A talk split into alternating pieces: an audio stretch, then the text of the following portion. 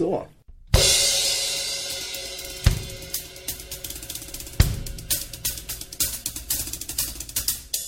Ja, då är vi tillbaka igen. Silly-podden. Den här gången med en liten Premier League-special. För på lördag är det ju dags för premiärmatch. Första matchen Liverpool-Stoke. Ehm, och det säger jag lite med en anledning. För vi har för första gången en gäst utifrån. Eh, inbjuden till podcasten. Det är Soran Ismail, komiker, fotbollsnörd och Liverpool-konnässör. Just det. Tack. Det var kul att få vara den första utifrån och komma in i er lilla sekt. Ja, det är en liten sekt så är det ju. Ehm, hur mycket ser du fram emot? Kvart över ett på lördag, Liverpool-Stoke. Hur känns det i magen? Ja, det är väl, kvart i två är väl avsparken. Jag är väldigt eh, exalterad. Ja, jag är inne på eng Ja, engelsk försnack. Du är inne på försnacket Ja, redan. Ja. men eh, nej, jag är... Jag ringde en kompis nio i morse och bara, det är två dagar kvar tills Premier League börjar. Nej, det har, det har gått väldigt fort tycker jag den här sommaren.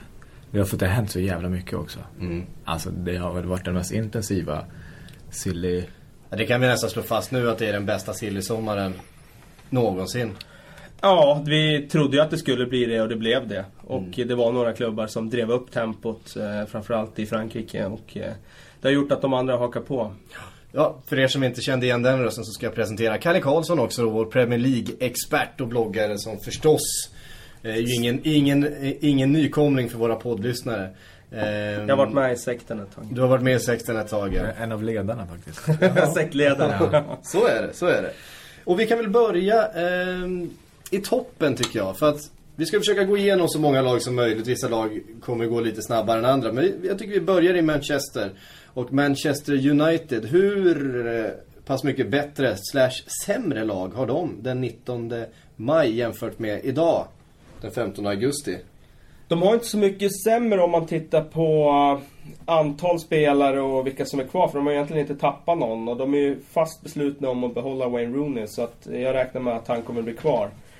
Problemet är bara det att eh, de var inställda på att göra en tung värvning. För de har insett i många år att de behöver den där världsklassmittfältaren. Och eh, jag tror att de känner själva, Moyes och ledningen, att eh, det är ett eh, hårt slag att de inte har fått in den spelaren i sommar.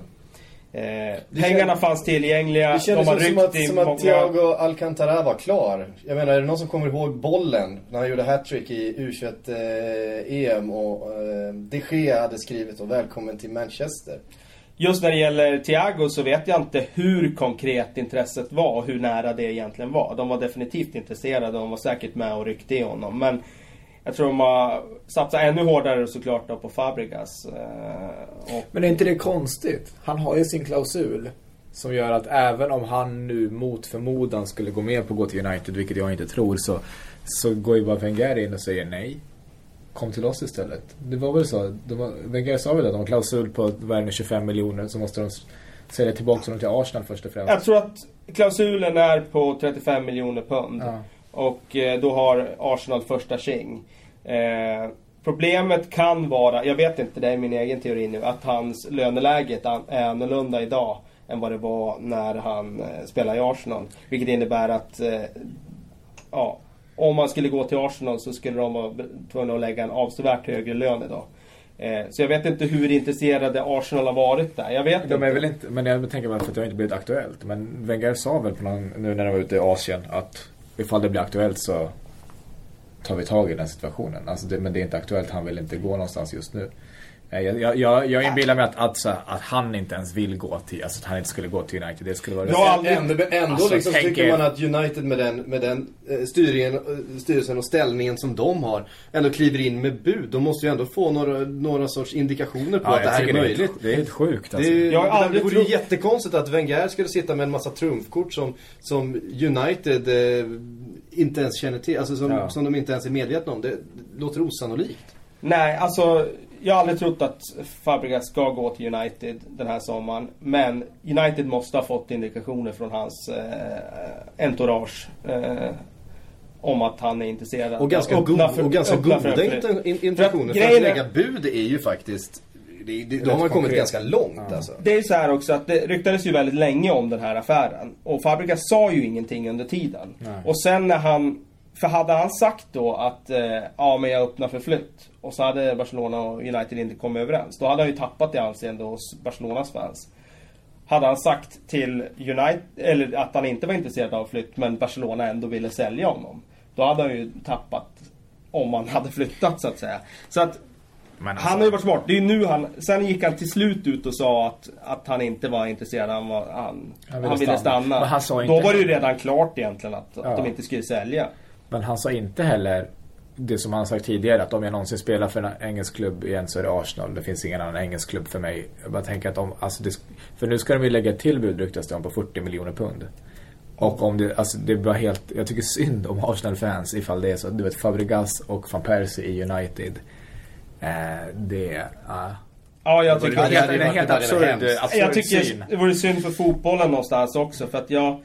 Man vill ju ha kvar den här bilden av eh, att spelare som tillhör inom citationstecken en klubb, de ska tillhöra de Lite klubbarna. i alla Och nu fall. liksom om både Fabregas och van Persie skulle spela Uniteds tröja, det skulle vara liksom ett, ett hårt slag för den teorin. Ja. Och nu eh, verkar det som att eh, Marwan Fellaini, som ju också har varit en av de mittfältarna som det har dragits i, i United, att hans utköpsklausul som han då skulle ha haft med Everton, att den gick ut 31 juli. Vilket innebär att han då väldigt snabbt skulle bli avsevärt mycket dyrare för United att köpa och kanske en mindre trolig affär. Ja, det blir det ju definitivt. Sen, sen tycker väl jag i och för sig att han kan inte bli så mycket dyrare. Utan 23,5 miljoner pund som den här klausulen låg på, det är väl i mesta laget när det gäller honom. Men tänk om Everton gör en Liverpool, som de har gjort med Suarez. Ja men vi värderar honom till, till 400 miljoner för han är så viktig för vårt lag. Då kommer det ju inte bli någon affär. Och, Nej. alltså, Fast United är också ett sånt behov. Det är lite som med Real med Bale. De, de, de vill ju bara spendera nu. De har ny tränare, de vill visa att vi stöttar honom, vi står bakom honom. Det blev för dyrt.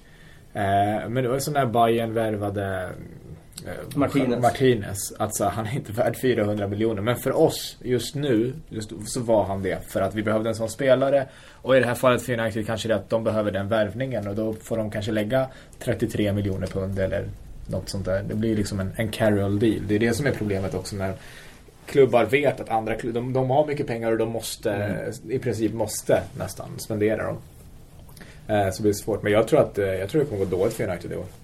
Eh, Hur mycket betyder eh, det att David Moyes har kommit in istället för Sir Alex? Jag menar, om det var någon, fanns någon tränare i världen som utstrålade seger och vinst och det här löser vi, vi är den stora klubben, så var det ju Sir Alex Ferguson. Den eh, tycker jag inte riktigt att man får eh, automatiskt av David Moyes.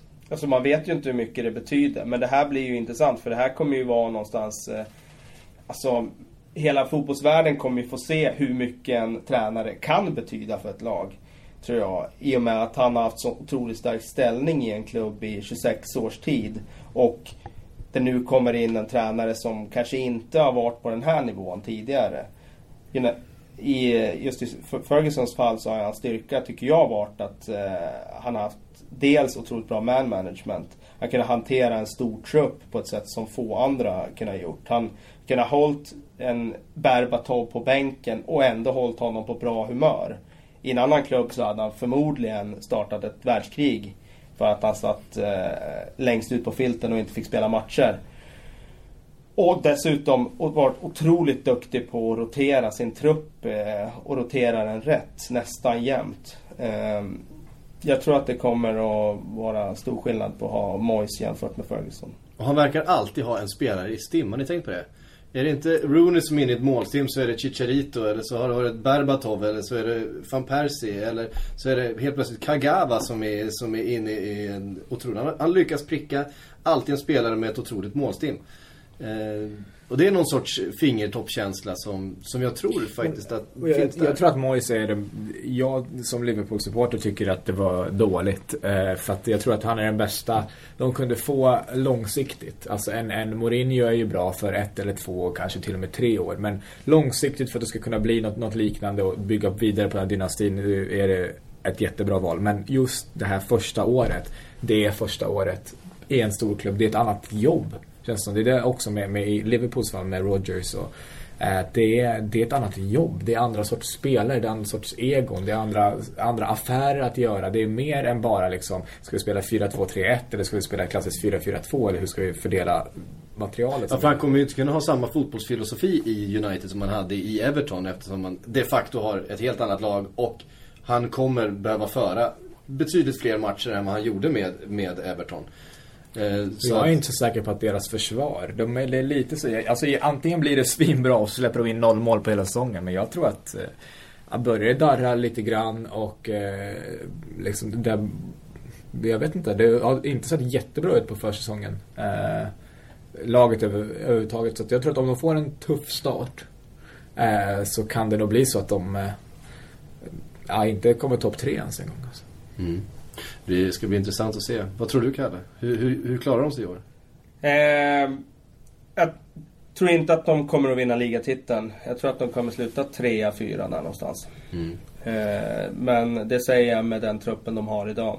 Eh, och som det ser ut så kommer de inte få sin supervärvning i alla fall innan fönstret stänger. Så att, uh... Ja, det ska bli väldigt intressant att följa. Ett annat intressant lag eh, befinner sig ju bara några kilometer bort på det Eastland, så det är Manchester City. Där det har hänt desto mer i, i sommar. Också tränarbyte men också en hel del, framförallt offens, offensiva spelare in. Eh, vad säger vi om Manchester City och Pellegrinis lag som det nu handlar om? Avsevärt starkare än förra säsongen. Eh, de har ju fått arbeta lite i skuggan nu av de här stora kanonerna PSG och Monaco som har spenderat enorma summor. Och istället värvat de här stjärnorna som är bra men som inte har kanske varit eh, de som har stått högst upp på önskelistorna hos eh, klubbarna. Men ändå de här spelarna som är på väg uppåt. Jag menar Jovetic är en superstjärna. Eh, som har tiden för sig, som eh, har drabbats av ett par riktigt allvarliga skador. Så jag tror att det finns en stor uppsida nu om han får vara skadefri. Eh, vi har Navas och Negredo som vill slå sig in i det spanska landslaget. Eh, inte jätteunga men fortfarande så har de inte varit uppe på den här nivån och spelat i en stor klubb och slagits om de allra största titlarna. Så att jag tror att de eh, vill bevisa väldigt mycket. Eh, och Fernandinho, vad han kan, det såg vi i Shakhtar i Champions League i fjol. Det är ju en eh, riktigt bra värvning. Och jag tycker väl inte att de hade rätt komplement till Yahya Touré egentligen något av de här åren. Även det här åren när de vann ligatiteln. Så att ska de upp och gå långt i Europa så kändes det som att de skulle hitta rätt eh, spelare för att spela bredvid Touré där. Och Fernandinho kan bli den spelaren. Det är, det är lite intressant det här, den här värvningsstrategin. För det kändes ju som att Jovetic var någon sorts reservalternativet för alla de här som jagade eh, Cavani i början av sommaren. Att, eh, ja, Chelsea då förstås och, och Real eh, och även Juventus och så vidare. De, de, de drog i Cavani och sen så fanns, ja men Jovetic var en av de där. Det kan vi liksom tänka oss om, om det nu inte blir Cavani. Medan de här höll på att buda sönder sig mot Eh, och PSG då till slut klev in och knep Cavani framför eh, näsan på allihop. Ja, då hade United, eller vad säger City, glidit in och, och knipit Jovetic lite, lite bakvägen nästan. Det var den känslan man fick i alla fall. Det ska bli intressant att se vad han kan prestera faktiskt. Ja, och jag tror också att Pellegrini, eller jag tycker att Pellegrini är en mycket bättre tränare än Mancini också. Mancini tog ligatiteln för att de spenderade absolut mest pengar. Och eh, jag är inte särskilt imponerad. Jag, jag tycker han är ganska sympatisk. Alltså, jag, har inget, jag, jag gillar honom men jag tycker inte att han är så jätte, jättebra. Jag ska inte bli jätteglad om han kommer till Liverpool. Men Pellegrini är en bättre tränare. Sen är det alltid det svårt första året, ny liga och sådär. Men jag tror, jag tror att de, eh, de enda anledningen till att de kanske inte vinner det är eh, om vi får någon slags den, det man tror Mourinho-effekt. Liksom att han kan få ut han kan få ut 120% av sina spelare och eh, och speciellt då i Chelsea tillbaks med Terry och Lampard och, och de här. Att han får verkligen igång så det blir en jävla en maskin där. Mm. Världens största mittfält. Kan man kalla det? Hur många mittfältare har de? Chelsea? Ja. Nej, City. City? Ja, det är väl Bayern som har världens ja. största mittfält i och för sig då. Men, okay. eh, eh, nej, de har ett gäng. Tottenham börjar väl få. Men även Chelsea har ju massor med mittfältare just nu också. Det, Tottenham har en del ja. också. De ska väl i och för sig dumpa iväg någon. Nu försvann ju två här med ja, Huddlestone och Livermore. Så, Livermore, så att... Uh, uh, nej men det är klart att det finns en del alternativ. Det ryktas ju en del om Gareth Barry då, att han kan vara på väg bort. Vi får ju se vad som händer där. Mm. Vad tror vi om uh, Citys chanser att ta titeln i år? Ja, stora. Eh, definitivt. Jag ser dem som ett eller två. Eh, jag har svårt att säga att City skulle eh, sluta längre ner i tabellen än två. Så att eh, om Hur- något lag slutar framför City så kommer det laget vinna ligan. Och nästan ännu viktigare för City, hur klarar de sig i Champions League i år? Bättre.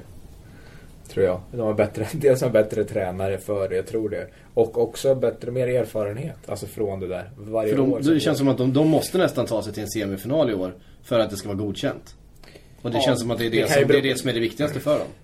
Det beror lite på lottningen i Självklart. men- De, de kan ju rimligtvis inte få lika tuff lottning Nej. i gruppen som de fått de två senaste åren. Eh, igen. Så att, eh, att de skulle åka i gruppen igen, det håller jag som eh, otänkbart nästan. Eh, sen beror det ju på som sagt vad man får i, i en eh, första slutspelsomgång, om det är fiasko eller inte. Men eh, det är klart att eh, klubbledningen som har lagt en massa pengar ser nog gärna minst en kvartsfinal semi.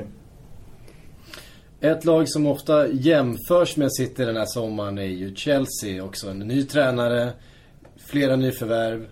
Eh, var står City? De gjorde ju ingen kalassäsong förra, även om det blev en Europa... Eh, en Europatitel i Europa League då. Eh, så har det ju varit ett lite herrelöst lag nästan. Eh, Benitez var någon sorts caretaker och det har svajats. Nu har de fått tillbaks Mourinho. Eh, och hur mycket betyder det? Han är ju verkligen fansens favorit. Han verkar nu igen vara Abramovic favorit. Eh, vad tror vi om Mourinho och, och, Chelsea den här eh, säsongen? Det är väl, eh, jag tror att det, det, det handlar väl om Chelsea eller City att vinna titeln. Men jag kan se problem hos båda. Dels deras, jag vet inte, jag är inte jätteimponerad. Folk verkar värdera David Luiz som världens bästa mittback eller världens dyraste genom tiderna. Och jag tycker att han är en Alltså han är väl en bra defensiv mittfältare men han kan inte spela mittback. Han gör tokiga grejer alldeles för ofta. Det är helt os... Det är, det är Skertel fast med bra fötter liksom. Det är vansinnigt. Men han... Eh, försvaret, ja... Terry har väl också, han, han kan vara bra men han har också haft det bästa framför sig. Cahill var inte lika bra som han var i Everton i Chelsea förra året.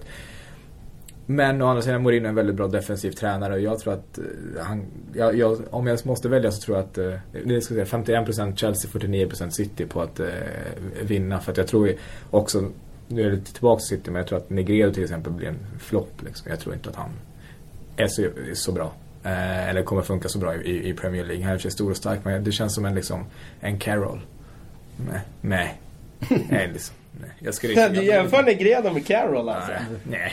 Du vet, I don't, nej, jag skulle inte Du vilja. ratear inte honom? Jag, jag, eh, Jag vill håller nog ändå Negredo som kanske tredje val när vi går in i säsongen ändå. Jag ser Dzeko och Agüero framför. Så att Dzeko jag också, ser inte det, liksom. även om Negredo inte skulle göra supersuccé Men så vilka ser är de fyra, vilka, vilka fyra spelar längst fram? Det är Jovetic, Agüero.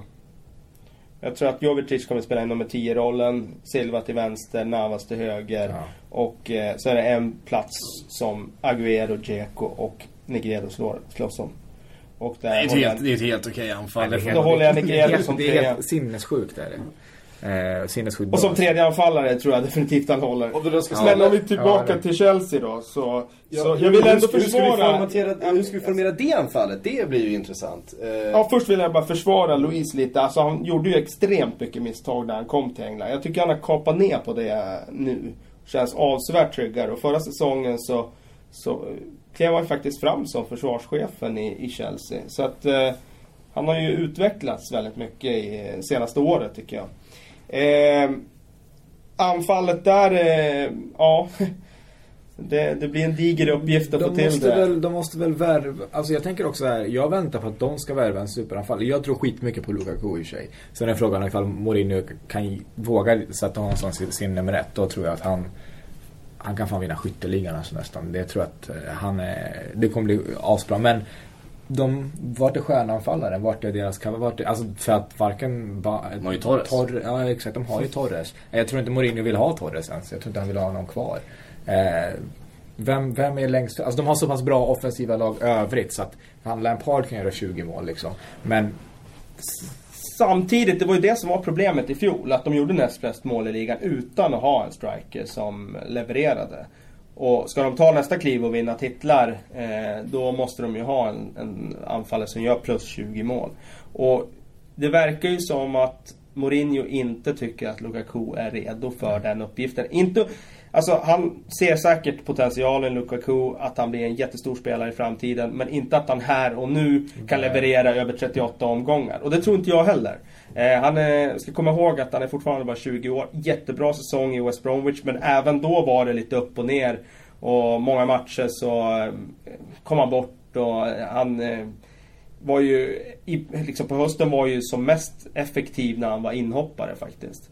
Eh, så att eh, utan den där eh, alltså, tillskottet där fram så, så sätter jag ett frågetecken. För Och vem skulle tillskottet kunna vara nu när de absolut Samuel inte får- skulle det kunna vara. Som de rycker i nu, som har öppnat för flytten, som gärna vill spela under Mourinho igen. Och som faktiskt är ganska billig nu när Anchi vill bli av honom. Men är, Däremot- är han...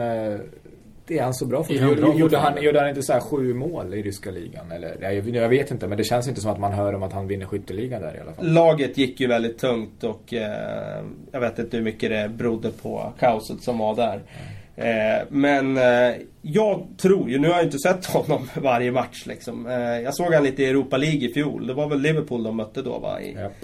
Eh, och jag, min gissning är att han håller bra klass fortfarande.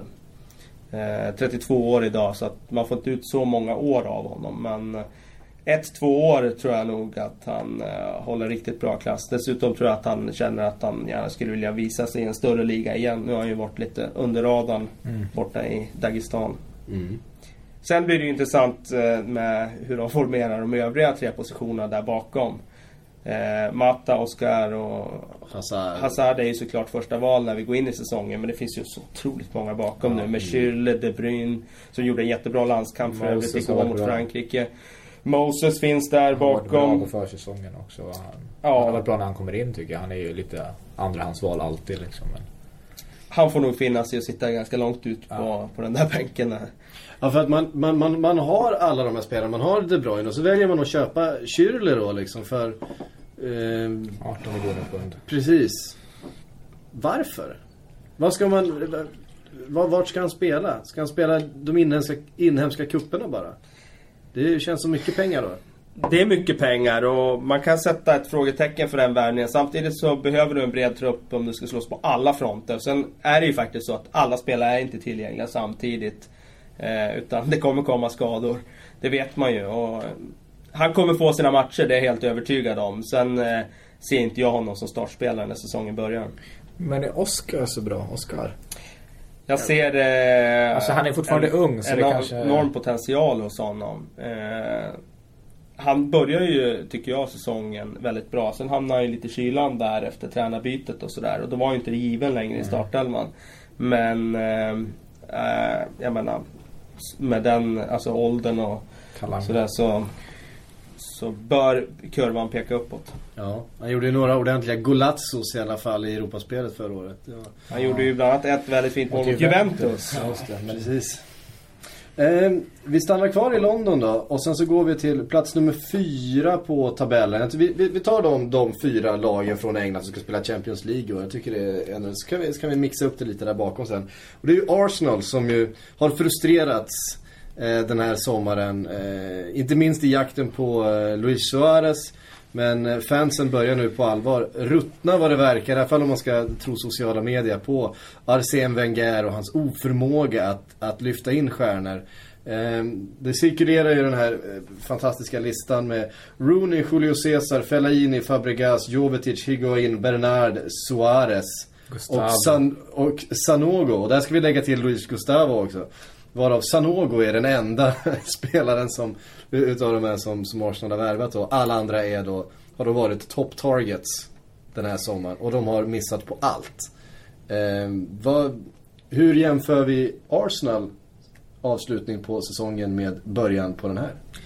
Jag tror att det är väldigt mycket fokus på alla de här misslyckade värvningarna som gör att man glömmer att de fortfarande är ett väldigt bra lag och det är det som är styrkan och svagheten. Att de behöver, det enda som de behöver för att förstärka det är ju den här stjärnvärvningen, den här spetsen eh, för att slåss om titeln. Och får de den då är de med och slåss, annars är de ändå med i toppen och tror jag ändå tar en Champions League-plats ändå. Om man kollar försäsongen har ju sett bättre ut än förra året, de får behålla, det är inga rykten om att ja, slitningar i truppen om att stjärnspelarna ska bort eller lagkaptenen ska bort eller något sånt där heller. Utan, så det, det är ett annat problem än förra året. Eh, och då glömmer man i allt det att, att det fortfarande är ett väldigt stabilt och bra lag. Och eh, jag tror att de kan hota lite bakifrån, alltså komma lite i skuggan och gå gå under radarn som vi pratade tidigare. Eh, från de här att favoritskap och alla tänker sig att det är City, United och Chelsea som är topp tre. Och jag tror att Arsenal kan, kan hota där även utan en sån värvning egentligen. Om de har riktigt bra. De behöver ju det såklart men eh, sen är det ju imponerande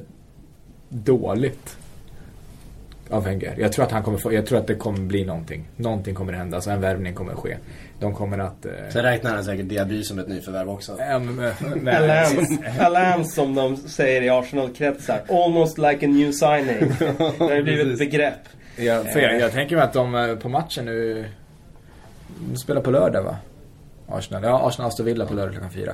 Då kommer de ju, jag tror fansen, det är hemma. Jag tror att han kommer få höra och det kommer sättas press. Alltså folk har tröttnat rejält. Det har aldrig varit så den här sommaren. Nej. Och så mycket, och att de, de var överens med att gå in och bara nej tack för vi ska ha Suarez. De måste vara så sura på Suarez camp liksom på hans folk som bara det är lugnt om ni bjuder 40 miljoner och en pund.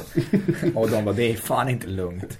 Eh, liksom. Och så då har Higuain försvunnit och ja, det blir väl så här Jackson Martinez då kanske eller något blir det. Jag är säker på det. Alltså. Och Fellaini och Rooney och flera andra spelare som det ryktades väldigt mycket om i början av sommaren bara försvann det är ju ett problem för Arsenal att de har den lönestrukturen de har. De har ju en väldigt eh, platt lönestruktur och eh, har ju inte möjlighet inom citationstecken det beror ju på hur man ser det då. Men om man ska behålla den strukturen som de uppenbarligen verkar måna om så har de ju inte möjlighet att gå efter de här spelarna som tjänar väldigt bra. Men de har ju frångått den där lönestrukturen vid några tillfällen. Ja, Henri fick en jättebra lön. Och eh. Suarez blev, man vet ju inte, vi har inte sett kontrakten, men enligt rykten erbjuder 150 000 pund i veckan. Ja. Och jag tror att det skulle hamna rätt högt i alla fall, om inte så högt. Så jag tror att det är väl det Även som Fabregas blev, fick väl en väldigt hög lön den sista säsongen han gjorde det. När Barcelona drog i honom och ja ah, men du får du den här lönen. Jag tror att de kan göra det för enstaka fall. Men om vi kollar på Luis Gustavo nu då så verkar det ju som att Wolfsburg har sett upp den affären för 17 miljoner pund. Arsenal vill inte gå högre än 14 miljoner. Men en del i det här var ju lönefrågan. Där han då av Wolfsburgs får sina 8 miljoner euro per år. Och där var det stor skillnad mot Arsenals bud. Mm. Eh, så på en sån spelare då så är man inte beredd att gå så högt. Och, ja, det kan man förstå. Jag menar, Luis Gustavo är bra men han är ingen eh, liksom marky signing som eh, Suarez hade varit.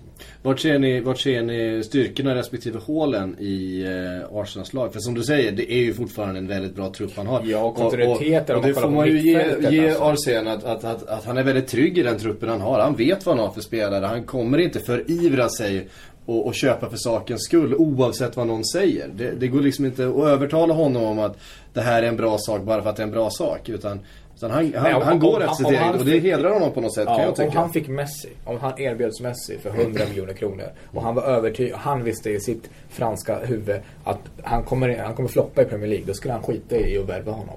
Fast det skulle vara liksom fansen skulle bli glada och lyckliga. För att han, han gör inget populistiskt. Och, och vad fan. Man säger att man snackar åtta år utan värvningar. Men kolla på deras ekonomiska situation. De har gått liksom 40 miljoner pund, 400 miljoner kronor plus. Eh, och har liksom behövt pumpa in pengar till lånet till stadion, byggt en ny stadion under tiden. Och varje år kommer till Champions League liksom. Mm. Eh, jag tycker att det är inte att, att förringa. Sen klart att man vill vinna en titel. Men jag kommer alla liksom dagar på året till Champions och missar ligacuptiteln som vi vann liksom än, än tvärtom. Eh, det är klart det är viktigt och det märker man på dem också men det som är oroväckande tycker jag med Gustavo-värvningen är ju att om man inte ens kan lycka, locka till sig honom Alltså för det kan ju han, visst de vill inte betala lönen men jag tänker inte att om Wolfsburg erbjuder 8 miljoner euro det är inte så att Arsenal erbjuder 2 utan om, Alltså jag tänker mig att i mitt huvud, så, ja, man är, ja men då spelar jag hellre i Arsenal än i Wolfsburg. Så det, ja, visst, det kanske är lite mindre pengar men det är större möjligheter. Men om det inte har blivit den klubben trots att de är i Champions League år efter år efter år. Vad fan ska, då måste de skärpa. Alltså Liverpool, vi är inte i Champions League så vi kan inte locka upp Malin. Men skulle vi vara där, då tänker man att då är man en klubb som man hellre går till än Wolfsburg. Om man är i Champions League om man hellre går till Wolfsburg än till Arsenal. Det börjar bli farligt nu alltså för, för dem. Så jag tror att Wenger inser den biten också. Det är därför jag tror att han kommer göra en värvning. För det handlar minst lika mycket om det som att ha spelare. Det var det vi snackade om Javi Martinez för Bayern München. han är värd så mycket för dem. Han var värd 400 miljoner för dem. Och för dem att värva ja, Suarez. Han kanske tycker att han är värd 40 miljoner. Om du får han för 60 miljoner pund, då tror jag att han är värd det för Arsenal just nu liksom. Precis. Men- och är det, men är, är det, det, det är anfallet som det behövs en, en rejäl förstärkning. Det är ju så det Ja, verkat. alltså. Jag tror att en världsklassanfallare skulle kunna göra stor skillnad för Arsenal. Samtidigt så tror jag att Giroud kommer göra en bättre säsong i år. Han har fått sin startsträcka nu och... Gjorde han inte en ganska bra... Jag tycker att han blev väldigt sågad. Han gjorde. Ja, alltså, sågad vet jag inte om han blev, eh, men han... eh, Det var ju mest i början där som han blev det. Däremot så, han har ju bra statistik. Men ni vet ju hur det är med statistik. Ja. Den eh, säger ju inte allt bakom siffrorna. Och många av de där målen och assisterna han gjorde, det var ju i ligacupen och mot sämre motstånd. Och i matcher där, ja, där, de, där matcherna redan var avgjorda så Ja, gjorde han... 4-0 målet. Ja, 4-0 målet och 5-0 målet. Och jag tyckte inte han var tillräckligt bra förra säsongen i alla fall för att göra någon skillnad eh, i de stora matcherna. Eh, och det är en sån spelare Arsenal behöver som kan sysselsätta en backlinje på Old Trafford och på Mm. Etihad Stadium. Eh, det skulle göra enorm skillnad för Arsenal. Nu har ju Wenger släppt så många spelare, eh, alltså breddspelare. Eh, att truppen har blivit lite tunn. Eh, alltså de behöver ju få in en två, tre spelare som breddar truppen också. Förutom den här eh, storvärvningen då. Eh, jag menar en mittback till måste de ju ha in för nu står de med tre. De släppte ju Ignacio Miguel här nu till Championship, låna ut honom. Och nu står de med Fermalen, Koscielny och Mertesacker. Och att någon av dem blir skadade, det, det får man ju hålla som ganska troligt. Så är det ju på en säsong. Och Arsenal som har, har haft en ganska jobbig skade, skadehistorik eh, som trupp sett de senaste, senaste Ja, åren. eh, det är klart att Sanja skulle kunna fylla in på en mittback i någon enskild match. Men du vill inte ha han som mittback när du möter topplag. Alltså, det är ju då det blir... Det är då det kan få konsekvenser. Så att... Eh, jag tror och hoppas att de värvar in en mittförsvarare också. Eh, och sen får vi se om de lyckas lösa någon värvning. Det, tiden går och den är knapp nu. Mm. Vad händer med eh, Wenger efter den här säsongen? PSG. Var det inte så? Är det så? Var, var det inte det som var klart? Nej, jag vet inte. Jag tror att det beror på hur det går helt enkelt. Jag tror också att det beror på hur det går. Jag tror inte det är klart på något sätt med PSG. Utan jag tror att han kommer känna den här säsongen och se hur saker och ting fortskrider. Och han bestämmer nog ganska mycket själv känns det som det. Om han verkligen vill vara kvar även om så, så är, han, är han väl det. Men... De öppnade ju i våras för att de ville förlänga med honom. Och, ja, jag tror även för Arsenals del att det vore klokt att kolla lite hur det går den här säsongen. Innan man gör det. Vad placerar vi Arsenal den här säsongen? Topp tre. Ja, ja. Topp tre? Jag säger det. Jag skrällar. Jag säger topp tre. För, Före United? Ja, för United. För United. Nu får jag äta upp eh, om, två veckor säkert när Arsenal har åkt ur och ligger med minus 18 i målskillnad. men men eh, jag säger det. Hur klarar de sig i Europa då? De har ju inte, de har ju inte rosat marknaden. Sämre. De, de var ju för sig ett av de här två lagen som gick, gick vidare från sitt gruppspel. De slog ju faktiskt Bayern München på bortaplan Ja, där. Det var ju få- hur nära som helst på att slå ut dem. Det var ju Ja. en snedspark från Giroud från tre meters håll som gjorde att, i liksom 82 minuten. Folk glömmer det. Det var det enda laget ju. Men eh, vad tror du om dem i ligan då? Ja, det beror helt på vad de, vad de gör nu de sista veckorna. Eh, Men som det ser ut idag, ingenting händer. ja, då, med dagens trupp, då Ja. är det fyra eller femma.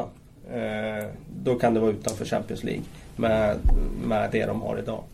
Men jag räknar med att de värvar innan fönstret stänger. För där finns ju klubbar som eh, knackar på och vill. Och kommer ge dem en match om det. Eh, vi kan ju börja med huvudrivalen Tottenham.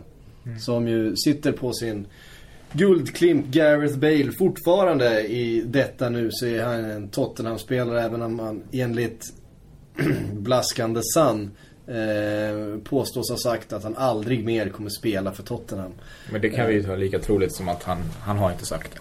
Ja, ja absolut. Liksom. Men, men nu, nu, nu för jag så här förstår du Soran att vi är med, du är med i en podcast som, eh, som heter Silly. Sillypodden och där, där diskuterar Där- vi jo, jo, vi. allt. Just när det är sant, då kan vi ta en extra stor nypa salt. Just det där citatet ger jag inte mycket alls för. Däremot så eh, tror jag att han kommer säljas ändå. Eh? Tottenham är ute nu och eh, fiskar efter nya spelare. Det snackas om Lamela och det snackas om Willian. Och jag tror att eh, de, de sonderar terrängen nu för att de eh, ska kunna släppa iväg honom.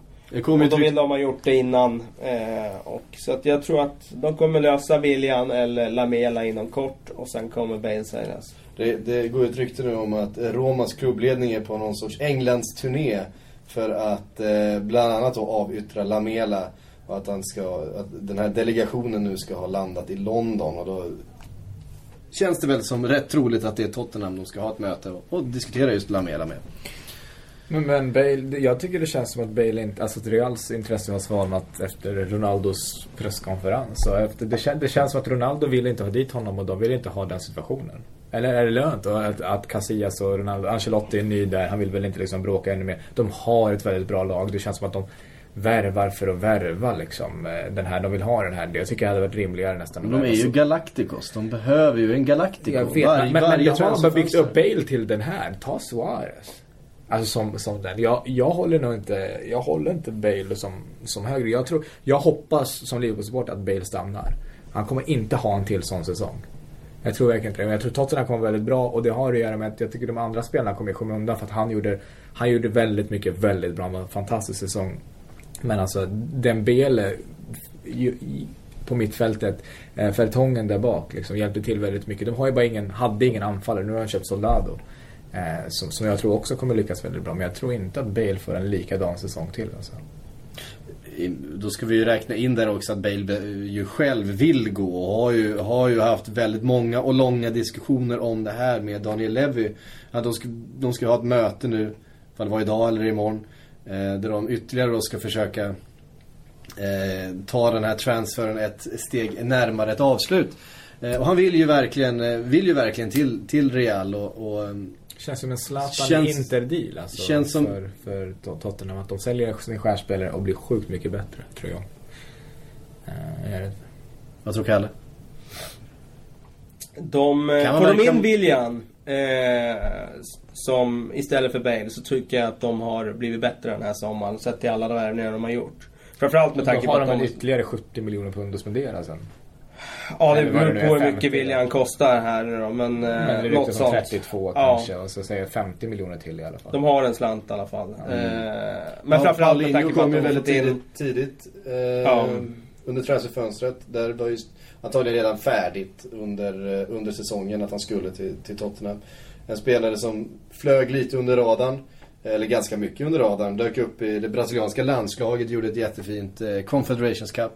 Och var väl redan då antagligen redan, redan klar för Tottenham. Eh, skickligt eh, scoutat, kan man väl säga. Ja, ja får man säga. Imponerande att det inte var någon som Liverpool redan hade scoutat. Det är väl så de gör. All, alla spelare som, som Liverpool förknippas med så förknippas, förknippas väl Tottenham med dem en kvart senare. Mm. William, inte minst. William inte minst. Ja, vi, kommer, vi, vi ska väl prata lite mer William här sen när vi kommer in Eh, på Liverpool. Vad tror vi annars om, om Tottenham då? De gjorde ju eh, en femte plats blev det till slut eh, förra säsongen. De hoppades förstås på, på Champions League-platsen. Eh, nu blir det Europa League. Eh, vad tror vi att de kan prestera i år? Det är förstås väldigt mycket som hänger på hur det blir nu med, med, med Bale och ersättare och, och, och nyförvärv. Men ändå en Soldado till exempel. Nu vart det ju klart med eh, en spelare nu idag också. Eh, så att de har ju ändå varit aktiva. Ett gäng Capoe. Capoe, precis. Mm. Eh, nej, de har ju alltså gjort kanske det bästa fönstret av alla lag i Premier League. Nu tror jag i och för sig att Bale kommer säljas. Men sett till truppen de har idag, om man skulle stanna, då är de ju så pass bra så att de kan upp och hugga på topp tre också. Eh, om de får till det. Definitivt. Eh, det man kände saknades i fjol, det var ju den där striken. Och Soldado är så pass beprövad så att jag tror inte han behöver så lång startsträcka eh, för att eh, gå in och göra samma jobb i Premier League. Eh, Däremot om Bale säljs, då vet man ju inte riktigt hur, hur mycket det påverkar. Ja, klart att de känns ju bredare och starkare men eh, han avgjorde så pass många matcher också på, på egen hand och dök upp i 89 och 90 och gjorde det där målet med en individuell prestation. Så att det är svårt att säga då hur mycket... Eh, var de står nu. Mm. Vad, vad, tror du om det, det innermittfältet i, i Tottenham? Jag tror att de kommer... Eh, jag, jag, vill... Alltså jag, jag, tror kanske inte det här helhjärtat. Men jag säger det för att om jag har rätt då blir det så ah, det här visste han. De, eh, de kommer före United, Tottenham. De kommer före United Ja, till och med. oavsett vad de gör med Så då, det innebär att du inte ens har United i topp 4? Nej, nu ramlar de tydligen ut ur Champions League. De försvann de där. Nu är de femma. Vi får se när vi går vidare. Ja. Vart United hamnar till slut.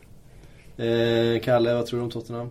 Nej, alltså topp 4 kommer de definitivt att, att göra ett äh, ännu mer... Äh, alltså de kommer vara ännu närmare i år. Behåller de den här truppen då, då slåss de om topp 3. Når de eller inte topp fyra?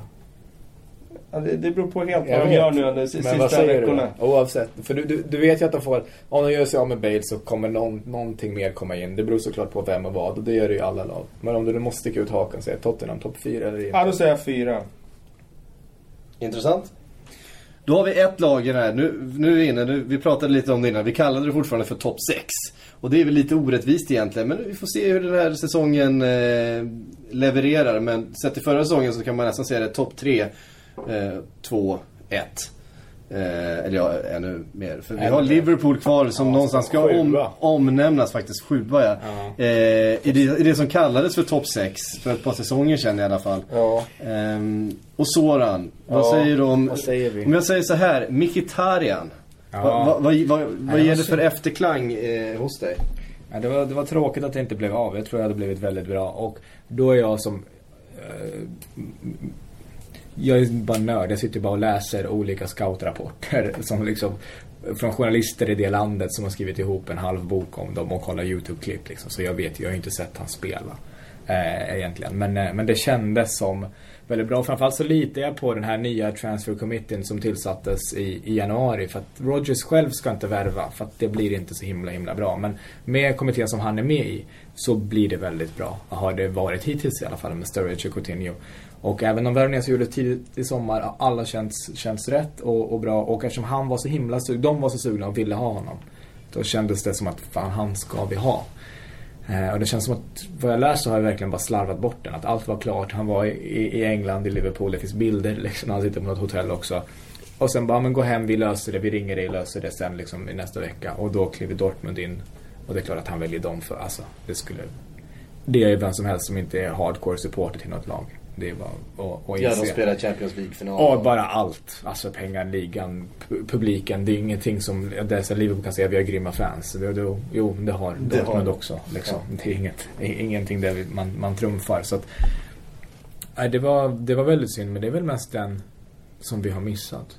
Mm. Som vi har, vi har gått, det handlar ju mest om Suarez, stanna eller, eller, Ja, eller att- allt tjafs. Liksom. För det går, ju inte, det går ju inte att nämna eh, Liverpool förstås utan att nämna Suarez. Så nu, eh, så sent som igår så eh, först kom det rykten om att han eh, skulle sagt till en, till en uruguayansk eh, journalist som då också ska vara god vän med Suarez att nej men nu ska jag förlänga mitt kontrakt och, och jag blir kvar. Eh, sen spelar han landskamp på presskonferensen. Nej det har han inte alls sagt. Eh, säger han där. Det är en eh, konstant sjögång när det gäller den här Luis Suarez. Och frågan är egentligen, har han på Anfield att göra den här säsongen? Man hade önskat att man kunde säga nej. Att jag hade råd med det. Men, eh, men det bästa vore om han bara, jag ber om ursäkt. Vad fan håller jag på med? Dumt fel av mig. Eh, jag, jag vill spela på högsta nivå men jag tror att jag kan göra det med Liverpool. Eh, och eh, och vi, jag ska göra mitt allra yttersta för att fortsätta. Det behöver inte vara någon så här jättekärleksförklaring. Jag är inte dum liksom, jag fattar. Men, eh, men så, att, eh, så att fansen kan, så här, det kan bli okej. De buar inte när han gör mål liksom. Och... Eh, För den risken finns faktiskt nu att... att, att Men han- tror du verkligen det? Tror du verkligen att de skulle... Jag tror att när Nej, han har han gjort ett par inte. mål sen. Han- det är det- klart att hans förtroende har naggats i kanten. Men den stora massan kommer ju ändå förlåta när han har gjort ett par mål. Då är Han spelar inte om inte han ber om ursäkt. Jag tror inte att han kan göra det efter att Rodgers gick ut och sa han spelar inte, han tränar inte förrän han ber om ursäkt. I princip förrän hans inställning är rätt. Jag tror att det kan, alltså de kan ju tillsammans säga hur ska vi lösa det här nu så att det ser bra ut utåt för alla parter. Det kanske inte är jäkligt. Men han måste säga något slags ursäktande mot det han har sagt och det han har gjort. För att han har ju ljugit om, om, om Rogers, om tränaren, vad han har sagt. Han har ju eh, hittat på så, eller liksom det, det han har ju sagt han har gjort ganska, och liksom sagt att jag vill gå till rivalen. Eh, samtidigt har han hela tiden sagt så här, det är ingenting ont om Liverpool, jag vill fortfarande ha en fredlig lösning, jag trivs väldigt bra här, men jag måste få spela på den högsta nivån. Eh, och jag, jag kan förstå viljan, men gör som Bale, gör som Rooney, håll käft och ta det internt. Liksom. När han går ut i tidningen, Han hade bara kunnat lämna in en transfer request som Benteke. Men han vet att det är mycket, man gör sig mycket mer omöjlig genom att göra en intervju. För transfer request betyder ju ingenting i liksom, rent juridiskt. Det betyder bara, jag skulle vilja gå ifall det finns möjlighet. Ja, det betyder en grej och det är att du avsäger i den här Bonus där, bonusen för... Ja, spelaren brukar ju få en procentsumma Så på... det är ju ännu större. Alltså då menar du ännu tydligare att han vill till och med ha pengarna. Han vill göra sig omöjligt så att han tvingas säljas. Men han ska ha pengarna själv. En transfer request är så här, okej jag till och med avsäger pengarna ifall ni säljer men jag skulle vilja gå. Men fortsätt träna på, jobba på. Går inte det, ja men då är jag här. Han behöver inte säga jag är lycklig över det men då är jag här och gör mitt bästa liksom.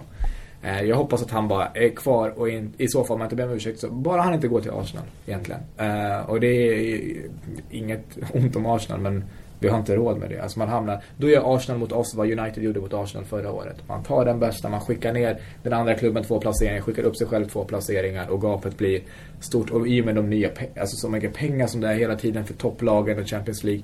Gapet ökar och ökar och ökar och vi har vi måste så snabbt som möjligt komma dit om Suarez är kvar och kan hjälpa oss komma till Champions League och sen dra till vilken klubb han vill så är det, så är det fine. Kalle, vad säger du om eh, Liverpools transfersommar?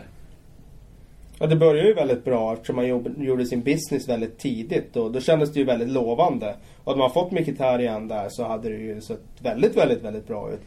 Nu har ju den här Suarez-soppan eh, överskuggat hela deras fönster och slutintrycket blir ju tyvärr då att eh, även om han stannar så har ju det här påverkat klubben negativt. Så att det, känslan är inte så positiv ändå när de går in i säsongen. Trots att de har fått in Mignolet och Aspas och även Touré som har sett bra ut. Då, eh, vilket kanske borde ha gett en skjuts framåt. Så med det här så känns det som att eh, jag tror att eh, klubben och laget har påverkats av det negativt.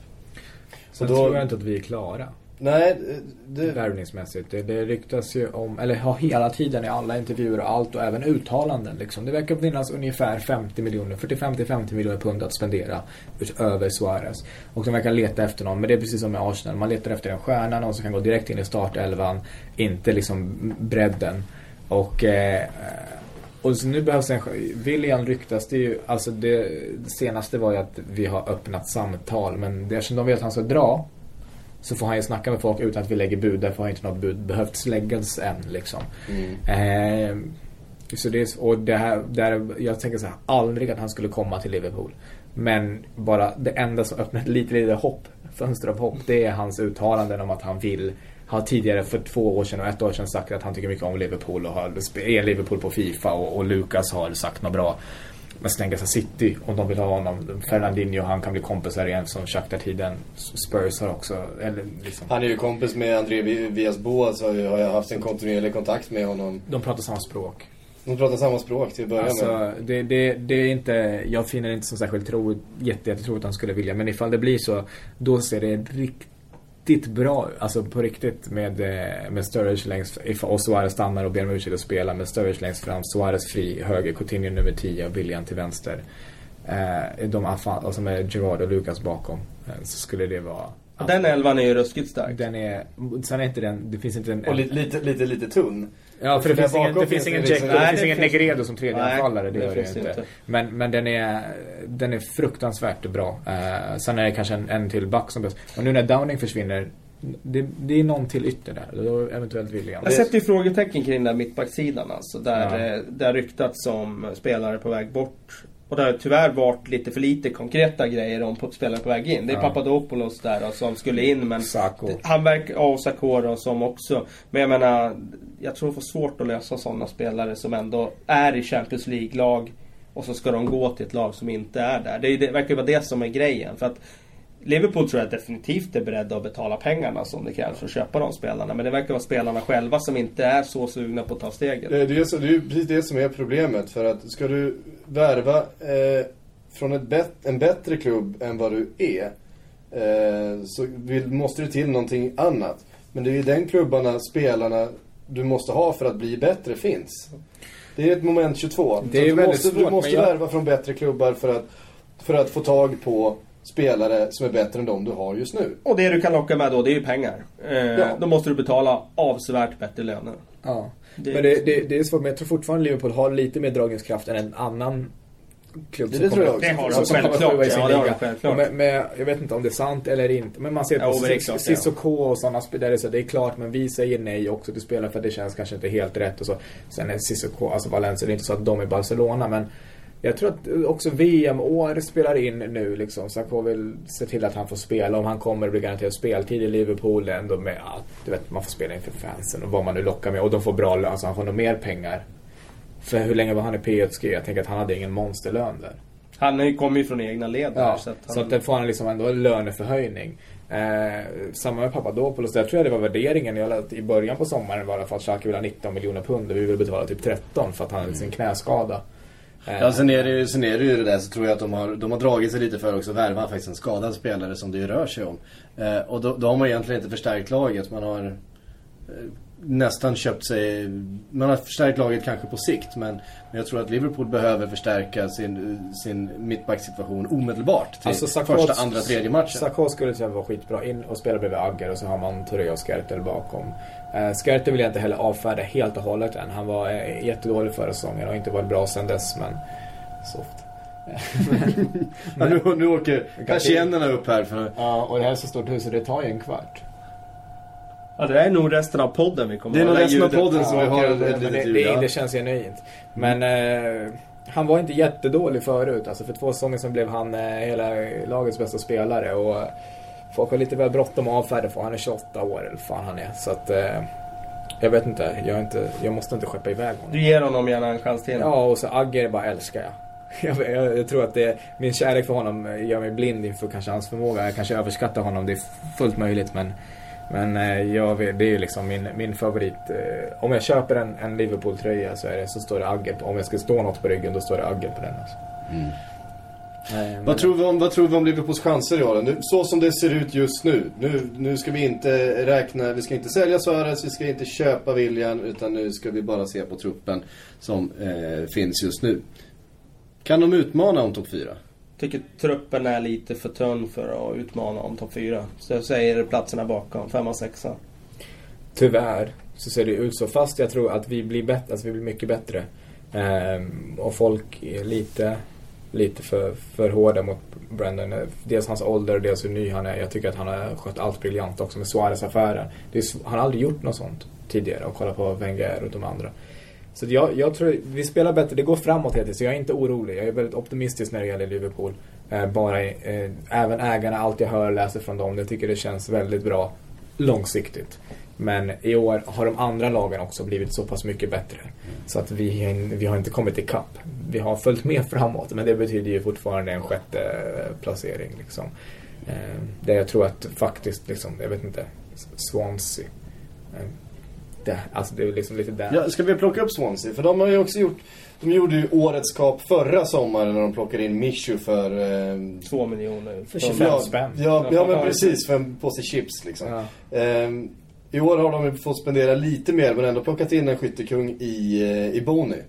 Och ser ju på pappret ut att ha ett riktigt intressant eh, anfall. De har fått behålla Williams, sin mittback som många drog i. Och än så länge ska vi säga. Ja, så- kan det faktiskt hända något. Där skulle Sista- Liverpool kunna vara en sån eh, klubb faktiskt. Ja, i Liverpool Arsenal behöver- tror jag skulle kunna gå in och plocka honom. De har ju fått in Jordi Amato från eh, Espanyol så att ja, det är möjligt då att Swansea själva känner att de har utrymme att sälja honom. Samtidigt om, om de nu vill ta sina steg framåt Mikael Laudrup har ju ställt krav på klubbledningen om att, eh, om att de ska satsa. Så De då, spelar Europa League också. De, de spelar Europa League, liksom. exakt. Så då, då måste de ju behålla eh, Williams. Jag, jag tror, jag, jag har alltid sagt, Shelby är kung alltså. Han kommer bli kung. Ja, han, han underskattar, han har aldrig fått förtroendet i, i sex matcher. Han kom in skulle vara George ersättare när han var 18 år, när George var skadad. Det var aldrig snällt, det var aldrig rätt. Han, han fick aldrig chansen. Men jag ser hela tiden och jag tror att han kommer att vara eh, han kommer bli årets spelare i, i Swansea. Och, eh, och Swansea kommer att gå riktigt bra. Grym tränare, fortsätter med kontinuiteten. Eh, jag tror de blir jävligt farliga, sen svårt att säga just placering. Jag vill inte säga sexa för att jag vill jag märker att Liverpool hamnar längre och längre ner. för varje lag jag går igenom, realistiskt. Men, eh, men nej, jag tror att de, är, de kan vara det här årets West Bromwich. Mm. Ja, intressant. Alltså att de ligger högt upp väldigt länge så får man se hur länge det håller. Men de kan slå vilket lag som helst på vilken plan som helst. Eh, sen vet jag inte om, om bredden och erfarenheten finns för att, för att hålla i det. Men eh, jag skulle fan inte ens bli chockad om de kom trea. Jag skulle inte vara så. Om, du, om de går trea? Alltså jag tror inte det. Men alltså, jag skulle inte bli chockad. Ah, okay. De- de ja, det skulle jag bli om De de, vilka som helst. Alltså. Jag känner väl att barriärerna upp mot eh, topp 4 där, de är fortfarande för höga. Däremot sätter jag ett frågetecken. Truppen ser jättebra ut, eh, jättebra tränare, håller med. Eh, de har eh, sin spelfilosofi som sitter så djupt nedgrävd i hela klubben och nya spelare anpassar sig väldigt fort till den. För att det verkar vara så tydligt med hur de ska spela så att eh, det är väldigt enkelt att kliva in där. Jag tror till och med Patrik Syk skulle kunna kliva in där med sina futsal, sin futsalbakgrund och Helt kunna spela några passningar i sidled. Precis. Eh, det jag sätter ett stort frågetecken för deras Europa-äventyr. Jag tror att det är en stor nackdel att spela Europa League på torsdagar och så ska man spela ligamatch på helgen. Eh, och Att det påverkar en trupp som inte är byggd för att slåss på flera fronter. Jag tror att det blir ett problem. Det hade varit bättre om de inte hade haft det i Europa League. Så att jag säger, mm, kommer de sexa då har de gjort det helt fantastiskt bra. Det skulle vara en överraskning för mig om de kom sexa. Det gör de också. Eh, Det, det, jag, håller, jag håller med om det också. Jag skulle Alltså, definitivt vara chockad om de kom trea. Jag skulle älska om det blir så. United kommer femma, de kommer trea. Sen kan vi ta en avrundning här. Alltså, Och borde se hur går det igenom. Hur, Alltså jag skulle vara den första som gjorde kullerbyttor om de kom trea. För det vore ju fantastiskt för alla oss som gillar eh, tanken du har, ju- du har ju en hyllat, jämn du har ju hyllat. Swansea eh, i din blogg eh, flera Många gånger. och- Ja, redan när de var i Championship Ja. och kvala så blev man ju förälskad i det här laget. Mm. Det är ju svårt. Alltså, ju, mer- man går in på lag och trupper, man vill liksom inte placera för att eh, Alltså Everton tror jag också kommer vara starkare än förra året trots sin nya tränare. Jag tror mer på, på Martinez och där än på, på Moyes. Han har stabiliteten och tryggheten men jag eh, för mig var det helt optimalt dåligt att Moyes gick till United och de fick Martinez liksom. Men om Everton också ska upp nu, menar halkar Liverpool jag ner ytterligare Nej men det är det, jag får inte, jag tycker Liverpool också går bättre. Jag får liksom inte Okej, ihop. ja, okej. Jag vill ha in alla, i Alla bättre. Alla, jag vill ha ungefär åtta eller nio lag från England i Champions League. Det tycker jag skulle vara rimligt. skulle ta ut Danmark, ta ut så här. Ja. Ryssland är för Cypern, långt. ja, Ja, absolut Cypern. Ryssland är för långt bort. Inget från så här.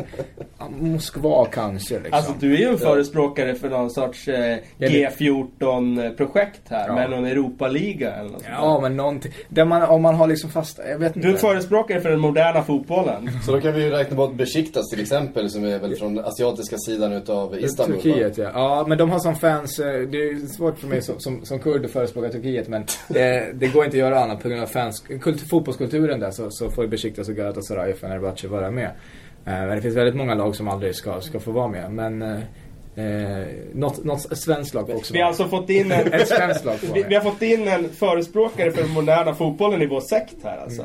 Fast också ett svenskt lag. Ja, Men, det. men vi har ju haft Patrik Sjögren hela tiden. Han är ju en förespråkare för allt som, för allt som är Han är- säger är väl bara saker så han kan få så negativa kommentarer som möjligt. Är inte det som Han, han sprider dålig stämning, Ja, det, är liksom, det är hans trademark. Exakt. Eh, ja, vi, vi, ska det är svårt, låta, det är jag, jag, lovar, jag har det är lovat honom att du ska få, jag vet inte om du har läst hans analys utav, utav Jo, det har jag gjort. Jag, vill- jag, jag vill bara få en snabb kommentar på hans analys. Den där sista meningen är så provocerande. Fortsätt bränn tröjor.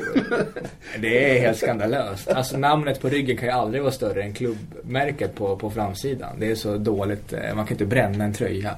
Oavsett vem eller vad det är. Klistra över. Folk har löst situationen. De har liksom duct tape skrivit Coutinho, gjort sjuan till en nolla och gjort ett etta framför. Löst det på annat sätt. Man kan aldrig bränna en tröja. Men, men jag förstår ju hans, hans känsla inför det. Men, men så här, jag, är, jag är nog ganska, jag är lite mer pragmatisk eh, än, vad, än vad Patrik verkar vara. Eh, Ja, framförallt är han ju en, en, eh, en eh, konfliktsökare. Ja, det är väl, Eh, av- det, är väl det. Och sprider dålig stämning, det har vi konstaterat förut Men i, den här, i ligan, den här podden. men, Men, i, i Premier League, det är, som, det, är, blir så, det är därför det är världens bästa liga, liksom utan snack. För att det är ju, alltså nivån på, på alla lag. Att Norwich kan värva någon, någon en av de bättre, eller så en av, en av en het spelare i Europa. Jag går till Norwich. Vad fan är det? Ja, okej. vi såg Gaston Ramirez gå till Southampton förra året. En- Wanyama. en sp- ja, Wanyama till Sou- Southampton har, vi, har ju dykt upp här i podden eh, under sommaren. Jag vet du ville ta upp Fulham också. Ja, men vi kan ju börja med Southampton. Vi kan börja med Southampton. Ja, alltså. De har ju satsat igen då. Gastron Ramirez förra sommaren och nu in med Wanyama och in med Dejan Lovren då. Och var det någonting de var svaga på i fjol så var det mittbacksidan. Eh, där Joss Hojfeldt faktiskt fick gå in och vikariera. Orimligt. med Varför kunde inte jag fått göra det? Du hade säkert gjort färre självmål. Ja, det tror jag. Alltså han hade jättejobbigt i början av säsongen, Ja. Hojfeldt. Eh, det ska sägas faktiskt att sen blev ju Fonte skadad där efter jul och eh, när Hojfeldt kom in då så gjorde han faktiskt några helt okej matcher. Eh, så att eh, jag trodde inte att han skulle få vara kvar. Men eh, han är ju i alla fall kvar fortfarande i truppen då. Men eh, om Lovren blir den spelaren som eh, de hoppas att han blir, då, då är det ju en rejäl förstärkning för ett lag som, som läckte lite för enkelt bakåt i fjol. Framåt ser det ju alltså, otroligt bra ut verkligen. för att vara en sån klubb. Jag menar om Ricky Lambert nu eh, fortsätter att göra mål. Eh, nu snackas dessutom om Pablo Osvaldo då. Precis. Att han skulle komma in 18 som miljoner backup. euro har de erbjudit och tydligen fått accepterat vad det sista jag läste och att det är upp till spelaren nu. Det är inte rimligt att, att, att ett lag i Southamptons... Ja men vad fan, det är ju som att Parma ska, ska eh, värva Micho eller någonting. Jag vet inte. Det är liksom inte... Det är, det är sjukt. Det är därför det är så bra. Det är så jävla jämnt. Och de har ju Lalana som... Alltså spås bli hur bra som helst. Gaston Ramirez har haft en säsong. Man behöver alltid, jag tycker aldrig man får döma en spelare på första säsongen. Det behövs tid när man kommer från ett annat land.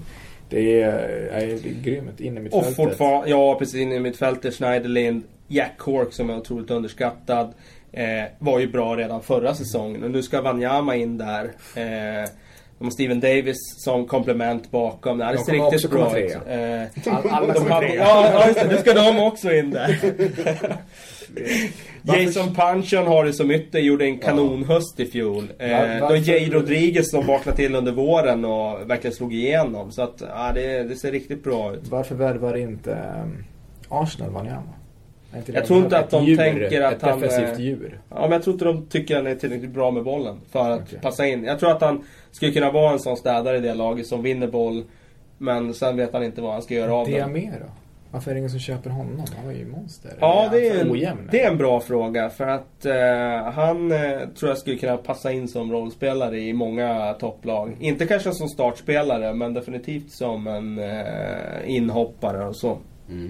Ska vi gå vidare? Vi har inte så mycket tid kvar faktiskt. Eh, Fulham har också eh, levererat på, på transfermarknaden. Ja, Det var lite si och så med det i början där, men nu har de i alla fall fått in här eh, Amorebieta var ju klar sedan tidigare, Stekelenburg var klar sedan tidigare. De löste Sasha Riter, högerbacken som var på lån i fjol, väldigt tidigt. Eh, vilket var självklart eftersom han gjorde en kanonsäsong. Nu på slutet har de ju fått in Adel Tarapta på lån. Och nu idag snackas det faktiskt om att Darren Bent är på läkarundersökning där. De behöver ju verkligen en striker som kan avlasta Berbatov. Eh, och Bent är ju faktiskt, eh, man kan säga mycket om han, men han gör mål i alla klubbar han spelar. Och även om han hade tungt i Villa förra säsongen så tittar man på hela hans tid i Villa så hyfsat målsnitt ändå. Alltså när han väl får spela och när han får starta matcher så gör han ofta mål. Så att ehm, för Fulham ser jag det som en ganska bra eh, värvning för deras trupp. Vi, vi, vi måste snabba på lite grann. Jag, jag kliver direkt över till Aston Villa när du säger det. Som fick ju be, behålla Benteke. Benteke. Som alla drog i. Och han skulle bort och han ville... Och sen helt plötsligt kommer de till, tillbaks till försäsong och skriver på nytt kontrakt direkt. Jag vet inte vad de, vad de hade på honom. Eh, men, men En någonting... klausul antagligen. Som han fick. Ja, eller att Lambert hade väldigt bra övertalningsförmåga. Jag tror att han har en karisma som kan eh, övertala många. också. Men så tänker jag mig att han går med på att förlänga och om du vill gå, ja men någon slags klausul som fungerar, ja men för 30 miljoner pund nästa sommar eller... Jag tror att det sades att det inte fanns någon klausul i det kontraktet. Vilket Ja, var förvånande. då är det imponerande. Ja, det är väldigt Att imponerande. han bara går med på att förlänga. Men Eh, som sagt, eh, det är inte några bekräftade uppgifter. Så att vi får se. Men vad, vad tror vi om Aston Om Villa någon som gjorde, som lägger ett gjorde en bud på katastrof? 30 miljoner plus en pund Exakt, så vet får vi nog se, att det finns en klausul där. Om eh, vi då jämför Aston Villa som gjorde en, en katastrofsäsong på många sätt förra säsongen. I alla fall förra hösten. I alla fall förra hösten. där Vaknade de- till de var, under våren. Där de var eh, verkligen på fallrepet och på väg ut ur Premier League. Eh, trots en ganska stark trupp. Vad, vad, tror mot om, Liverpool bort. vad tror vi om den här eh, säsongen? Nej, känslan är positiv. Just därför att han satsar ju på unga spelare och de har ju växt till sig ett år nu. Och hans ungdomssatsning var ju frukt till slut eftersom de ändå klarade det där kontraktet. Och spelare som Lowton och Baker och Westwood, alltså rimligen blir de ett år bättre nu. Sen Eh, undrar man ju finns- lite så här, en till- en Ab- Abdon. Lahore tyckte man, trodde man ju skulle vara den här eh, spelaren som tog Han har varit ett- talang i åtta år. Ja, precis.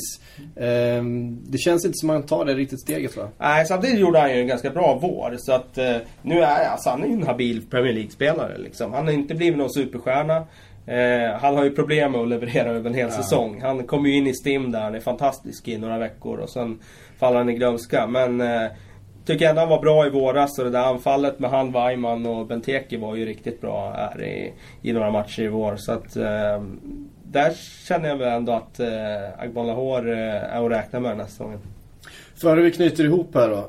Vilka kommer floppa? För nu har vi faktiskt räknat upp eh, i stort sett halva, halva ligan här. Nej men det blir och- och inga, det plus- blir inga floppar. Alla slutar på topp fyra. Alla blir trea. Alla blir trea. Eh, Jovetic. Jovetic, en Själv. flopp. Du, ja okej, du sätter han, som flopp alltså? Ja, Ja, jag det måste gör inte jag. hakan. Jag måste ha Ja. Ja. För jag kan ju ha fel. Det spelar ingen roll. Jag- exakt! Jag jobbar ju som komiker. Det är så jäkla bra att du har insett Ja, det. Du kan svinga precis hur vilt som Och helst. sen blir det rätt. Ja, ja. Och bara, Ja, åh, fan visste han Det var det han sa. Ja, det. Var det så han sa i den podden, Ja, de exakt, säga ja. då. Ja, fortsätt. Ja, men då får du fortsätta. Ja, då, vi, vi fortsätter. Nej, men eh, United, Jovetic. United och Jovetic. Ja, United är väl nere på, Mer, ha åtta, mer. åttonde plats nu någonstans va? Va? United är väl nere på en åttonde plats nu De har någonstans. kul, det är det som är så sjukt. De, de löser det i januari när de värvar eh, sig vi- kvar. Eh, Suarez. de- de- Ja, fy fan vad smutsigt. Tänk dig anfall med Suarez och van Persie bredvid varandra. Lyfter pokaler. Ja, Herregud, ja. Det är svårt att, det är svårt att hantera. eh, Jag har svårt att säga, Livet. ja, det är ingen flopp såklart, men jag har svårt Arsenal. att säga att Crystal Palace ska, ska överleva i den här ligan. De har ju inte lagt några pengar i sommar bygger snarare för framtiden med att lägga pengarna på träningsanläggning och akademin. Så att, Stort plus att de tar med sig Ian Holloway tillbaks till, eh, till Premier ja, League. det Så de älskar man ju att han är tillbaka. Men laget eh, känns väl sådär. Hull. Cardiff. För fan. Ja, de kan faktiskt överleva. Kan vara topp tre också. Ja, men, det eh, det. det Cardiff ser ju, ser ju på något sätt mer, mer Premier League-färdiga ut än, än exempelvis Crystal De var Palace ju eller, Hull. i många år ett lag som borde ha gått upp i Premier League och missat i playoff. Och de var ju det bästa laget i fjol, har gjort eh, av nykomlingarna den avsevärt bästa transfersommaren med Colker in och Gary Medel in. Och sen den här Andreas Cornelius då som inte riktigt eh, vet vad vi har men eh, som eh, de har ju uppenbarligen lagt en massa pengar på honom. 8 miljoner euro eller 8 miljoner pund. Eh, 8 miljoner euro tror jag det var. Eh, ja, de tror ju uppenbarligen väldigt mycket på honom. Blir Jag, jag tror att man vinner på minst poäng i år. Eller på väldigt mycket mindre poäng i år än tidigare år. Eh, sen kanske inte det krävs lika mycket för att åka ut kanske. Så det brukar alltid vara samma. Men jag tror inte att det blir sådär 90 poäng. Nej. Eh, Eller komma tvåa på 86 poäng. åh. Det är inte lätt alltså. Men jag, jag vet hur det är. Om tre veckor kommer jag bara längta till säsong, nästa säsong börjar igen. det är alltid så. Liverpool-supportens Ja. förbannelse. Kuken. Men eh, tredje omgången United, det är det som är min förhoppning. Min, I min så optimistiska världsbild när jag dagdrömmer, då är det att vi tar Stoke. Vi vinner omgång ett, omgång två, så möter vi United som är lite sarga till omgång tre. De har inte kommit in i det än. Moyes får lite kritik. Backlinjen är svag. Vi kör över dem. Eh, vinner i alla fall. Och så kan vi rida på den vågen och United kan falla med den vågen. Men det blir antagligen exakt tvärtom. Mm. Ja, och med det, det får bli de avslutande orden för den här eh, Premier League-specialen i seriepodden. Ni som sitter och väntar på en massa eh, rykten och analyser utav eh, spansk och italiensk och fransk och för den delen rysk fotboll får vänta till nästa vecka när vi kommer tillbaks med ett mer ordinarie avsnitt. Men Eh, det här var ju alltså då dedikerat till ligapremiären i England som är nu på lördag. Tack för oss, vi hörs nästa vecka, hej! Ha det bra.